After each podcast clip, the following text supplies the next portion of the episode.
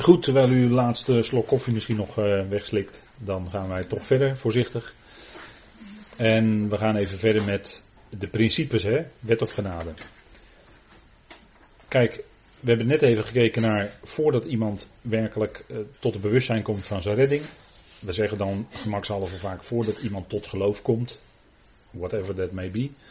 Hè? Maar u begrijpt dan wel wat we bedoelen. Maar dan gaat het nu om de praktijk. Hè? Want in de gelaten brief gaat het natuurlijk ook om hoe zich dat natuurlijk uitwerkt in de praktijk. In feite is die hele brief daarop gericht, maar goed. Dan wordt er gezegd van nou, tegen gelovigen of ondergelovigen wordt gezegd, hè, om andere gelovigen dan over de streep te trekken, dat zij ook onder de wet van Mozes gaan leven, geheel of gedeeltelijk. Hè, en dan alleen de morele wet, niet de ceremoniële wet, dan gaan we alles indelen. En dan gaan we allemaal vakjes maken. Dan moet je, ja, nee, het gaat niet om de ceremoniële wet, maar het gaat wel om de morele wet, dus eigenlijk de tien woorden. en dan wordt er gezegd, ja, dat, dat is goed, want dat doe ik dan als leefregel, wordt er dan gezegd, hè, als leefregel. Dat hoor je dan wel eens, hè. Of uh, zoals het in de catechisme staat, uit dankbaarheid de wet houden. Weet u wel? Catechismus is ellende, verlossing, dankbaarheid. En dan moet je, als je je verlossing hebt ervaren, je moet eerst in de ellende komen. Nou, ook dat zie ik nergens in het evangelie hoor. Dat je eerst je ellende moet ervaren. Leest u dat ergens bij Paulus of zo? Dat je eerst je ellende moet kennen? Ik niet hoor, ik lees het niet. Verlossing, en dan uit dankbaarheid de wet houden. Dat zegt de catechismus hè, van de kerken. Nou, dus dan heb je het stuk van de ellende, zo noemen ze dat hè, in het jargon. Het stuk van de verlossing en het stuk van de dankbaarheid. Nou, zo, zo wordt dat genoemd. Hè. Nou, dus de dankbaarheid is dan dat je uit dankbaarheid ga je dan proberen de wet houden. Vandaar dat ze in de kerken dan dat bord hebben hangen met die tien geboden erop. En die worden elke zondag dan voorgelezen in de kerken. En uh, ja, of de mensen die het serieus nemen, die zitten met een lang gezicht. Want die beseffen dat ze er niet aan hebben voldaan en komende week waarschijnlijk ook wel niet aan voldoen. Maar ze gaan zich toch weer plechtig voornemen op zondagmiddag dat ze de komende week er toch weer aan gaan voldoen. Proberen te gaan voldoen. Maar dat gaat niet lukken. En dan komen ze dus, als ze eerlijk zijn, als ze het serieus nemen, dan komen ze in de ellende.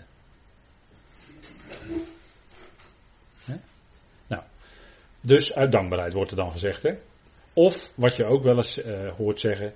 Ja, dan doe ik wat met mijn geloof. Anders vind ik dat ik niks kan doen. Of dat, dat ze te weinig doen met wat ze horen. Dan doe ik tenminste wat.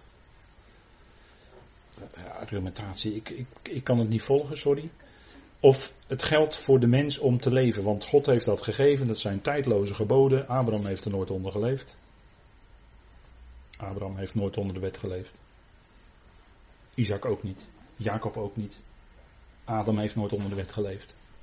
Die was toen nog lang niet gegeven. Dus het wordt alweer moeilijker hè, als je die dingen erbij betrekt. Maar als je als gelovige dus toch onder die wet wil gaan leven, onder de Torah, dan wordt het onzeker, want dan blijft het principe, maar wie ze doet, zal in hen leven. Dus het hangt weer van de mens af. Ook al ben je gelovige hangt het van jou af. Of jij er wel aan voldoet.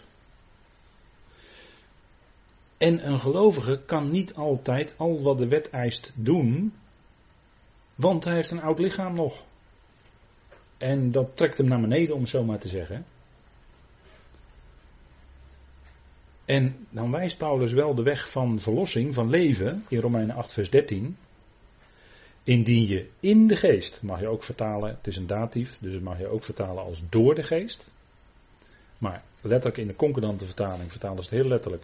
Indien je in de geest, dat wil zeggen, het is een wat gedrukte manier van spreken. Dat wil zeggen in de kracht van de geest, hè, want de geest geeft kracht. Gods geest geeft in je kracht. Om anders te kunnen leven indien je in de geest de praktijken van het lichaam ter dood brengt, zul je leven.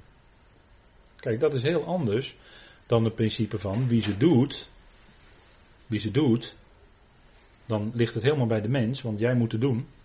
Maar hier gaat het om de geest in Romeinen 8, vers 13. Indien je in de geest de praktijken van het lichaam ter dood brengt, zul je leven. Dat wil zeggen, in de kracht van de geest van God. Dus dan hangt het niet meer van jou af, van jouw inspanning, maar dan is het zijn geest in jou die jou de kracht geeft. Om daar bovenuit te kunnen komen. En dan is het een wonderlijke dat zelfs dat oude lichaam, wat normaal gesproken niet in staat is antwoord te geven op wat God wil, niet God welgevallig kan zijn, dan is het wonderlijke dat God door zijn geest zelfs dat oude lichaam levend maakt. En dat is dan een bepaalde manier van spreken, een beeldspraak. Want het is geen letterlijke levendmaking, dat, dat is pas bij de bazuin, als wij veranderd worden. Dat is de letterlijke levendmaking. Maar dan geeft hij zoveel kracht dat zelfs dat oude lichaam ten dienste van hem gesteld wordt.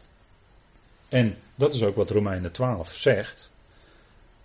Dat wij onze lichamen, onze lichamen stellen, als een offer, als een levend offer, voor God welgevallig. En dat is het wonderlijke. En hoe kan dat? Nou, door de kracht van de geest. En normaal, daarvoor kon het niet. Konden mensen dat niet. En, straks als wij weggenomen zijn, dan gaan er ook weer allerlei andere principes gelden op aarde. Dan geldt het evangelie van Paulus niet meer. Maar dan geldt het evangelie van de besnijdenis. Als wij weggerukt zijn. En dan is dat principe van Romeinen 8 even niet meer aan de orde. Dat kan niet.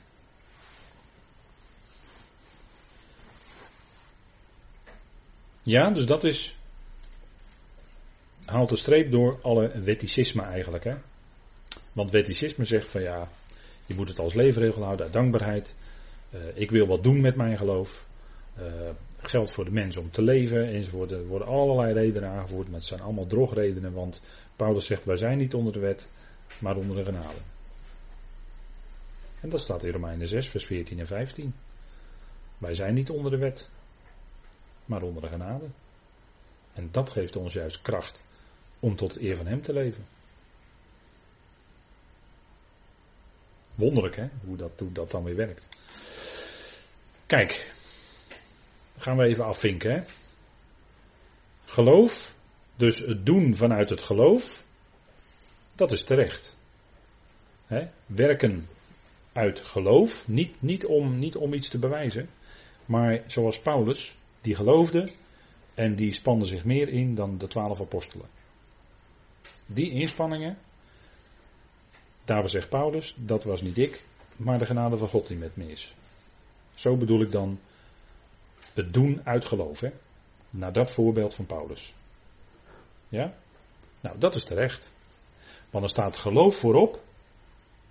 Het gaat om geloof. En dat werkt zich uit in de dingen die je doet of laat.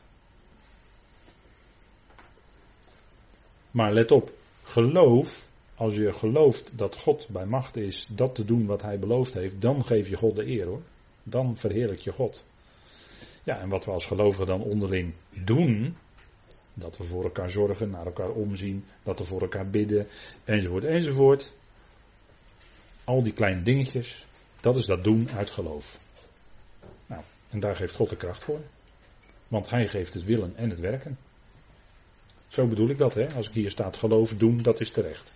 Maar dan zeg ik dat er even allemaal bij. Dan moet u dan er allemaal even bij denken.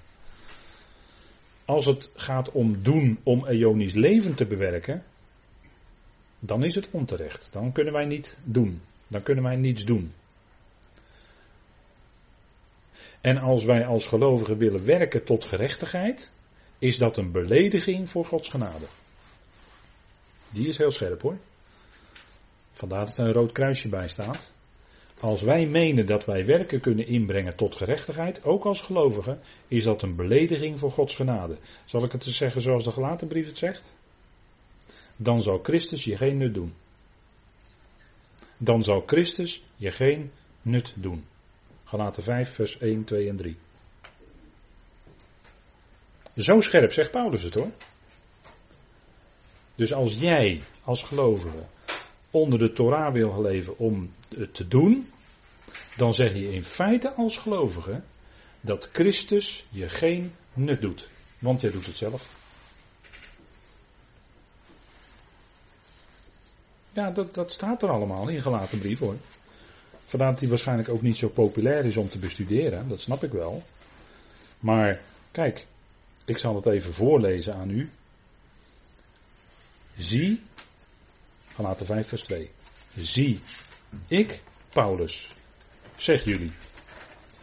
Indien jullie je ooit zouden laten besnijden, hè, jullie als gelovigen gelaten, zal Christus jullie in niets baten.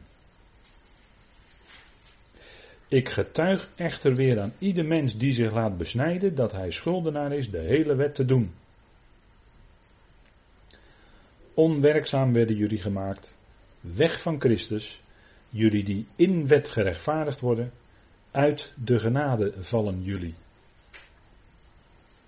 Kijk, hoe val je uit de genade? Door te proberen, ja, Door te, te proberen de Torah te doen. Dan val je uit de genade. Dat is wat uit de genade vallen werkelijk betekent.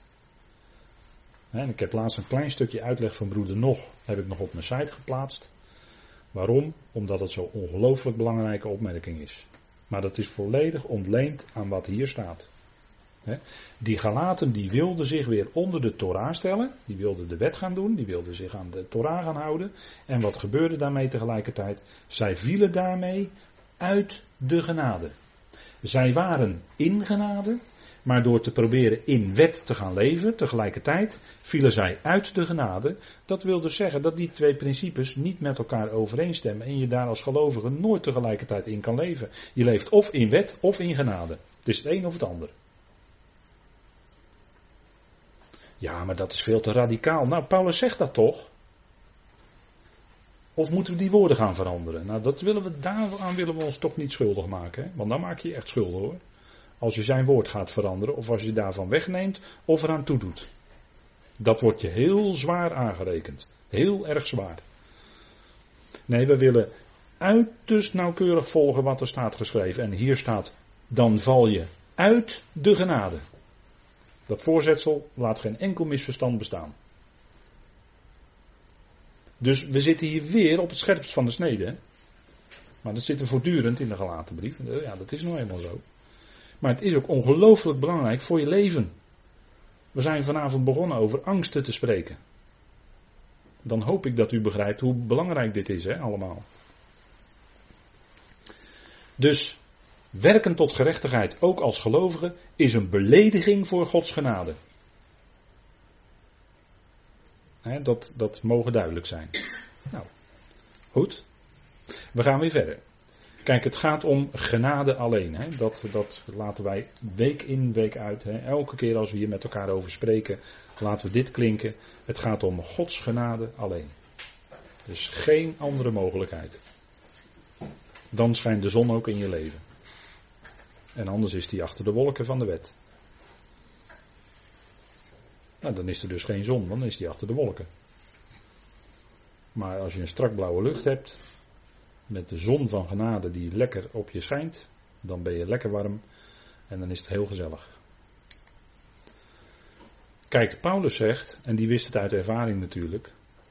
Kijk, dat gebod, want het principe van de wet is: doe dat en je zult leven. Kijk, Paulus zegt dan in Romeinen 7, even herhaling van wat we eerder al met elkaar besproken hebben, hè, vanuit de Romeinenbrief.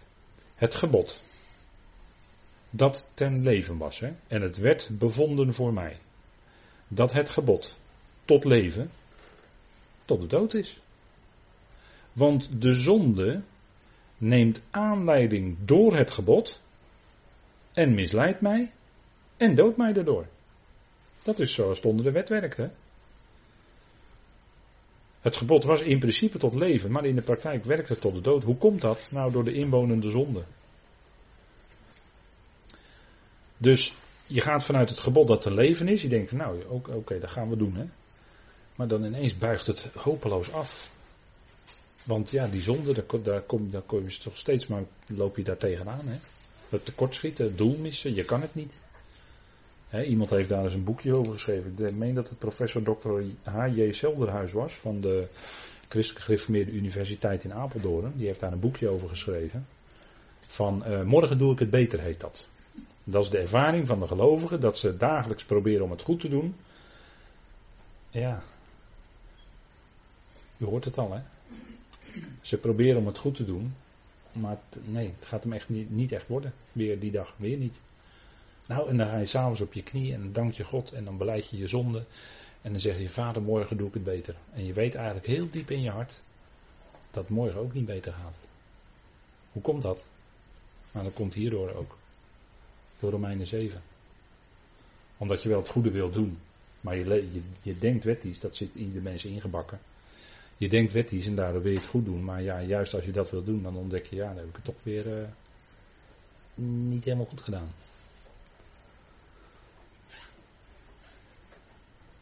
Kijk, dat is nou hoe de wet werkt, want de zonde, kijk, dat is het probleem.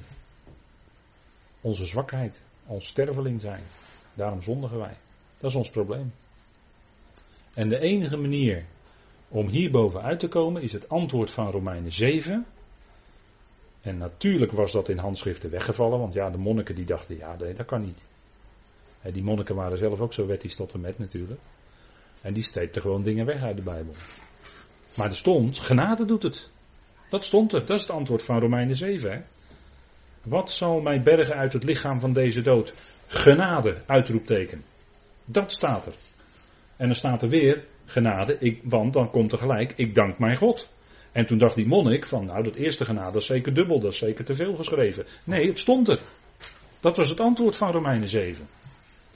Dat was weggevallen in handschriften. Maar toen kwam er, God riep een broeder nog en die haalde dat weer boven tafel. En broeder nog, die is maar verguisd in Amerika door de evangelische wereld. Jonge, jonge, jonge, jonge, dat wil je niet weten. Ik zal u geen namen noemen. Maar werd, hij werd geattaqueerd. Op een, zoals in, in de ongelovige wereld niet met elkaar omgaan hoor. Zo werd hij geattaqueerd. Zo laag, zulke gemene beschuldigingen die niet waar waren. Allemaal door medegelovigen, allemaal door broeders werd dat gedaan. U weet toch dat er in spreuken staat dat woorden kunnen werken als dolksteken? Dat staat in spreuken. Nou, dat broeder nog heeft dat wel ervaren hoor. Nou en of. Maar hoe kwam dat? Hij legde Gods woord op tafel. Hij legde de waarheid op tafel, evangelie van Paulus. Ja, dan word je niet in dank afgenomen, want dan ga je tegen de hele gelovige wereld in. ook door hele belangrijke broeders die ook door velen nu nog in Nederland gevolgd worden. Maar ik ben, ja, ik ben misschien dan nog bescheidener, veel bescheidener dan Paulus, want die noemde gewoon de namen. Hè. Paulus zei gewoon Hymenaeus en Philetus. Hymenaeus en Alexander. Alexander de koperslager heeft mij veel kwaad berokkend. Hij noemde gewoon de namen. Hè. Dat was om de andere gelovigen te waarschuwen voor de leringen van die mensen. Niet om die mensen persoonlijk te beschadigen, maar voor die leringen. Daar waarschuwde hij voor. Want en Philetus die zeiden dat de opstanding al gebeurd was. Hè? 2 Timotheus 2. Dat was een leugen. Want de opstanding is nog toekomst. En dus moet die waarheid moet blijven. Dus vandaar dat hij de namen erbij noemde. Hymenaeus en Philetus die leren dat. En ze wijken daarmee af van de waarheid nogal. Dus Paulus die zei dat dan gewoon. Dat is, wij zijn dan wat, misschien wat bescheidener. Maar ja, goed.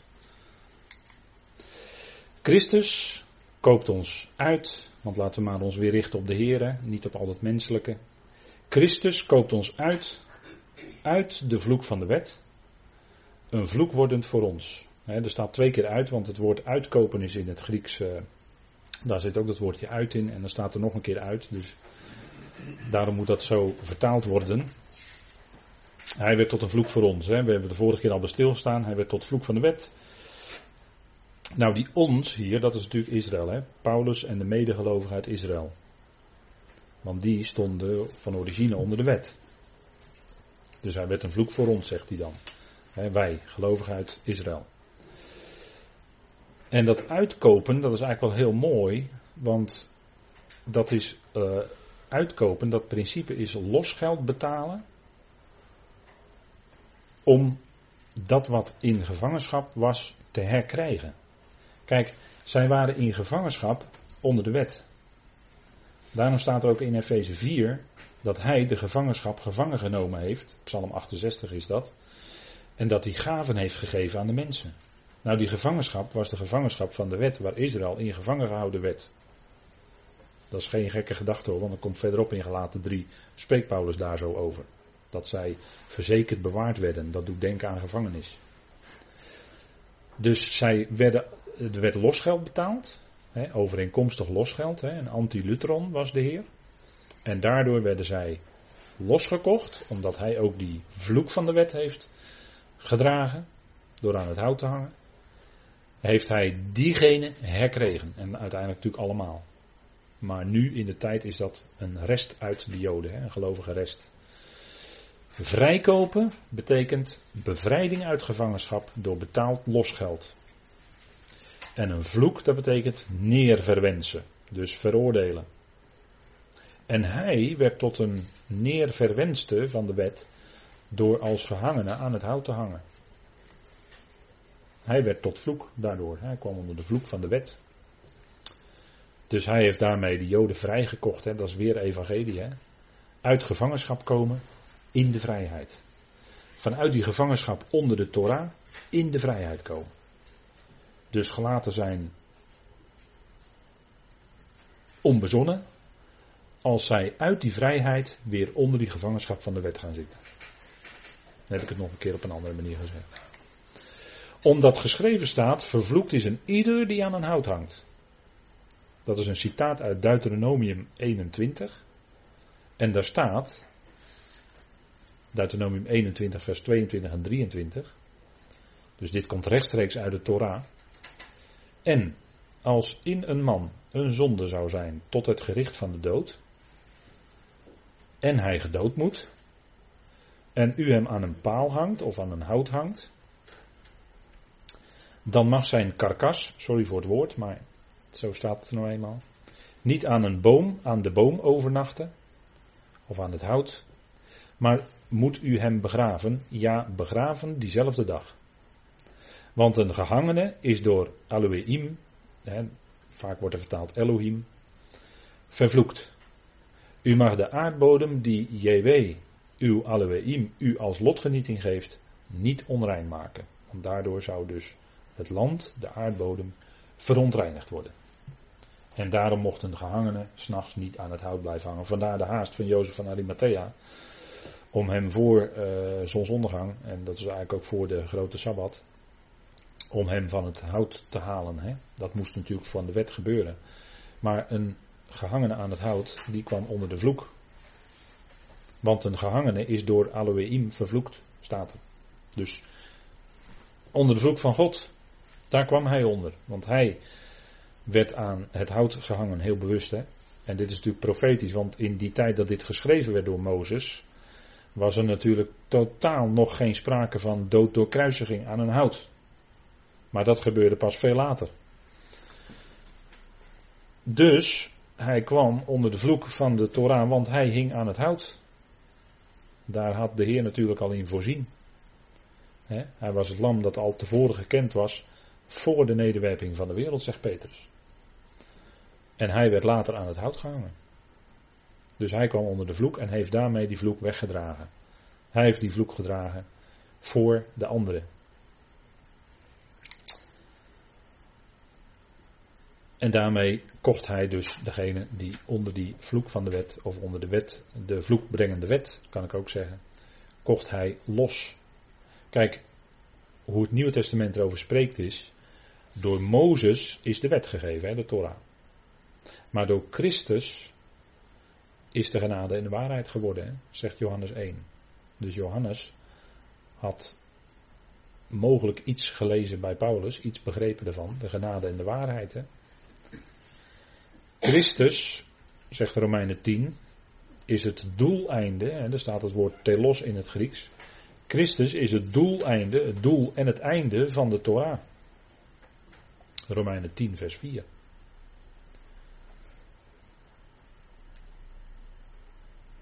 Christus vervulde de Torah. Matthäus 5, vers 17 en 18. Kijk, en dit is Matthäus 5, vers 17 en 18. Dat is een tekst die vaak door voorstanders van de mensen die graag willen dat jij onder de wet gaat leven, je voorhouden. En zeggen ze, kijk, maar de Heer Jezus zelf, die, die hield zich ook helemaal aan de wet, die voldeed ook aan de wet. Nou, zullen we eens kijken wat daar dan echt staat hè, in Matthäus 5 want dat brengen ze altijd in als een, als een geweldig argument. En dan denken ze dat jij er niks van weet. En dan kijken ze dan soms een beetje met een gezicht van, nou, nou heb ik je. een beetje triomfantelijk wordt er dan gekeken. Maar wat staat daar nou eigenlijk in Matthäus 5? Wat staat daar nou eigenlijk?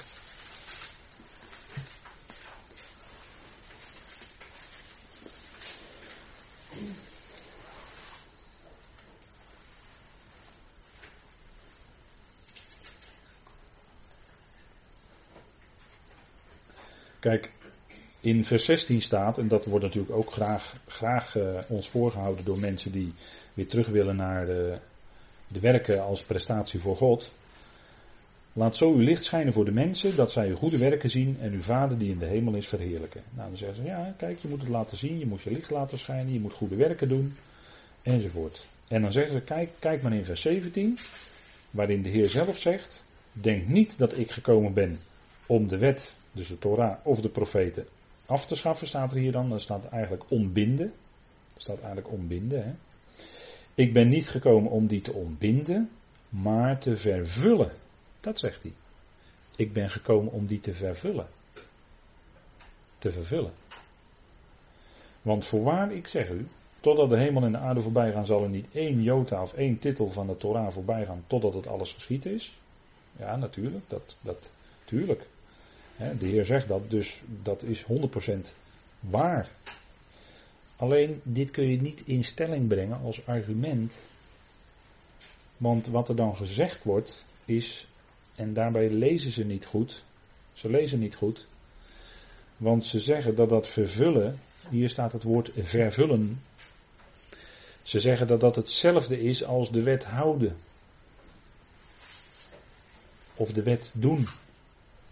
Maar er staat niet dat hij kwam om de wet te doen. Dat staat hier niet. En er staat ook niet dat hij kwam om de wet te houden. Zoals we net wel hebben gelezen in Jacobus 2, vers 10. Daar staat wel het woord houden. Hebben we net gelezen met elkaar, Jacobus 2, vers 10. Degene die heel de wet in, en er staat er misschien in acht nemen, maar dat is het Griekse woord tereo. En dat betekent houden, in de zin van uh, je eraan houden. Jacobus 2 vers 10 zegt, want wie de hele wet houdt, maar op één punt struikelt. Daar staat het woord houden, tereo. Hier in Matthäus 5 staat het woord vervullen.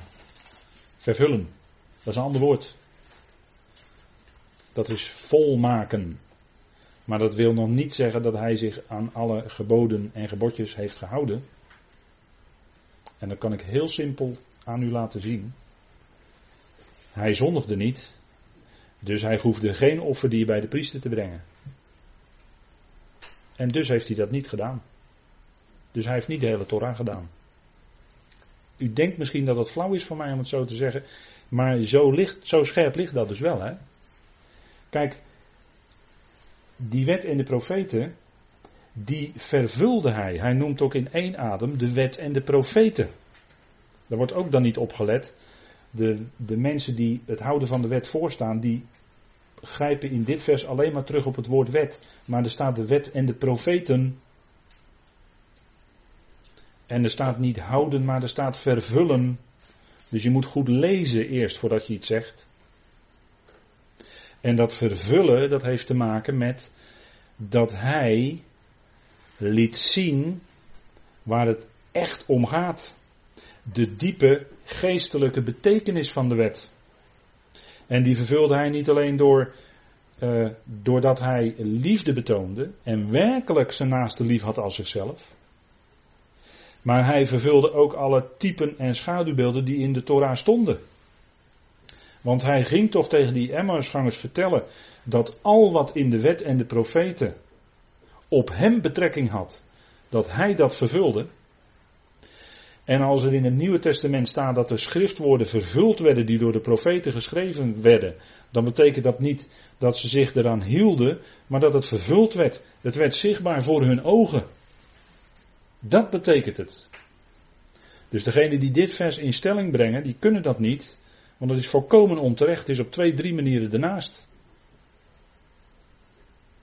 En als u in gesprek gaat met wettische mensen, dan zult u deze tekst tegen u krijgen. Daarom vertel ik u dit allemaal. Dan weet u wat u misschien als antwoord kan geven. Maar hij kwam om ze te vervullen. En niet tot op de letter alles te doen, want dat kon hij niet eens. Dat was niet eens mogelijk. Dus, hè, en vervullen betekent volmaken. Hè, daar, daar heeft, eh, als, als de profetieën vervuld worden, dat wil zeggen dat dat woord van God werkelijkheid wordt. En die wet en die profeten werden werkelijkheid in hem. Dat waren slechts de schaduwbeelden. En met hem en na hem kwamen die goederen, die geestelijke betekenis, werd vervuld. Dus dat, is heel, dat, dat gaat een hele andere kant op. Dus die heel de Torah doen houden is naast alleen al dat het een heel ander woord is, is dus wat anders dan het vervullen. Dat vervullen is namelijk veel groter, veel meer. Dat bedoel ik. Het is veel meer dan wat strikt allemaal geëist werd, dat hij daaraan voldeed. Dat, dat... Ging aarde plukken op Sabbat. Nou, dat mocht niet. En toen zei hij, heb je niet gelezen wat David gedaan heeft? Tegen die schriftgeleerde fariseeën, die kwamen natuurlijk erbovenop. Je mag niet uh, op Sabbat, dat is werken. Mag niet fietsen op zondag. Dat is werken. Daar kwamen de schriftgeleerden fariseeën mee. Dan zegt de Heer, heb je dan niet gelezen? Dat was natuurlijk heel scherp gezegd, want zij waren de hele tijd bezig om te lezen en te studeren. Heb je dan niet gelezen wat David gedaan heeft? 1 Samuel 21. Toen is hij gewoon naar binnen gegaan en heeft gewoon van de toonbroden gepakt. Ging gewoon het heilige der heiligen, of het heilige binnen. Deed hij gewoon als koning, terwijl hij niet eens priester was. Heb je dat nog niet gelezen, zegt de Heer. Nou, daar hadden ze natuurlijk niet van terug. Want dat ging helemaal tegen hun wettische denken in. Nou, dat, dus dat vervullen, nogmaals, dat is veel meer, veel en oneindig veel meer dan het alleen strikte naleven van de geboden. Want dat wordt, daarvoor wordt deze tekst meestal van stal gehaald, om het zo maar te zeggen. Om jou dat dan daartoe over te halen. Maar wij zijn niet over te halen, want wij weten dat leven in genade oneindig veel meer is en echt blij maakt van binnen en blij houdt van binnen, dan een leven in de wet hoor. Dan ben je gelijk je blijdschap bij je kwijt.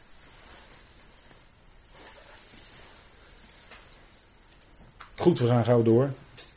Kijk, want predikers, predikers die hebben een rechter en een linkerhand. En wat doen ze met de rechterhand? Dan geven ze genade, in de, vanuit de rechterhand, hè, bij wijze van spreken. dan geven ze genade. En met de linkerhand, en dat hebben mensen vaak niet door als ze luisteren, maar met de linkerhand wordt het dubbel teruggenomen en kom je onder de wet. Zo zijn veel predikers. Sorry, ik zeg het heel algemeen, veel predikers, dat is wel zo. Ze brengen je onder de wet. Ze zetten je in de klem.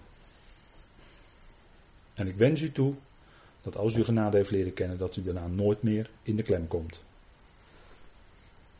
Want dat gaat gebeuren als je een andere prediking gaat invoeren. Dat gaat gebeuren als je twee verschillende predikingen van één podium af wil laten komen. Dan word je bij de ene in de ruimte van de genade gezet en de week daarna word je in de klem gezet van de wet. Ik zeg nu even heel scherp, maar ik meen het wel, 100%. En zo gaat het echt in de praktijk. Vergist u zich niet. vasten, ik heb bij dat rijtje heb ik vasten genoemd. Gaan we een keer een avond over praten met elkaar over vasten. Wat de Bijbel zegt over vasten. Goed, we gaan gauw door, want het is bijna tijd. Christus werd tot een vloek. Hij kwam onder de vloek van Alubeim, door middel van de Torah. Hij kwam onder de vloek van de wet en kocht de zijnen van Israël vrij en zij zijn bevrijd. En dat is een geweldige tekst uit de Hebreeënbrief die daarvan spreekt. Hij is middelaar geworden van een nieuw verbond, maar dat wordt dan ook tegen de Hebreeën gezegd. Zodat de geroepenen de belofte verkrijgen van het genieten van het lotdeel van Ionisch leven. Nou, dit is de belofte aan Israël, de gelovigen uit Israël. En dat gebeurde door een dood die plaatsvindt tot verlossing van de overtredingen van hen die onder het eerste verbond zijn. Het eerste verbond is dus het oude verbond. En daarvoor in de plaats komt straks het nieuwe verbond. En dan zijn de zonden weggenomen en dan geeft hij zijn geest in hun binnenste. Maar dat is bij het aanbreken van het nieuwe verbond. En dat is als hij terugkeert en zijn voeten zet op de Olijfberg. Niet eerder dan dat. Als hij terugkeert. Daarvoor, tijdens grote verdrukking, geldt het evangelie van de besnijdenis. Maar kan het nieuwe verbond nog niet in werking treden? Waarom niet? Omdat hij nog niet is teruggekomen. Eerst moet hij terugkomen en dan zal hij het nieuwe verbond in werking stellen. Staat allemaal in de Bijbel, maar voert nu veel te ver om daar dieper op in te gaan. De zegen van Abraham komt tot de natieën in Christus Jezus. Dat is geweldig, hè? En die zegen, dat is de belofte van de geest. De belofte was de zegen van Abraham. Toen kwam de vloek van de wet, de wet en de vloek kwam er tussenin, hè, kwam erbij in. En nu is de vloek opgeheven door Jezus Christus. En zo kan de belofte en zegen van Abraham naar alle naties komen, inclusief de Joden, door Jezus Christus. Nou, dat is de zegen, hè, de zegen van Abraham. En als u nou afvraagt, wat is de zegen van Abraham?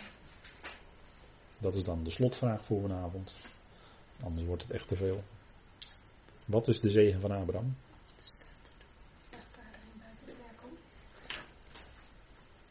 Ja, de rechtvaardiging buiten de werken om, buiten de wet om. Kijk maar, de zegen van Abraham is rechtvaardiging door geloof. Hij werd gerechtvaardigd door geloof. Wij ook. Maar geloof is vanavond opgemerkt, is met een grote G, want het is het geloof van Jezus Christus. Met de hoofdletter G, hè, zetten we dan er maar gauw bij. Rechtvaardiging door zijn geloof, rechtvaardiging in zijn genade en rechtvaardiging in zijn bloed. Is daar dan iets van onszelf bij? Nee. Het is allemaal zijn, zijn, zijn. Hè?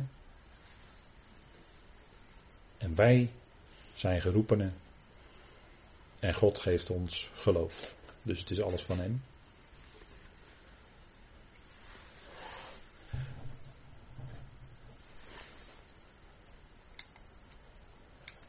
Goed, wij gaan eh, de volgende keer verder met eh, de gelaten brief. En we willen het hierbij laten voor vanavond.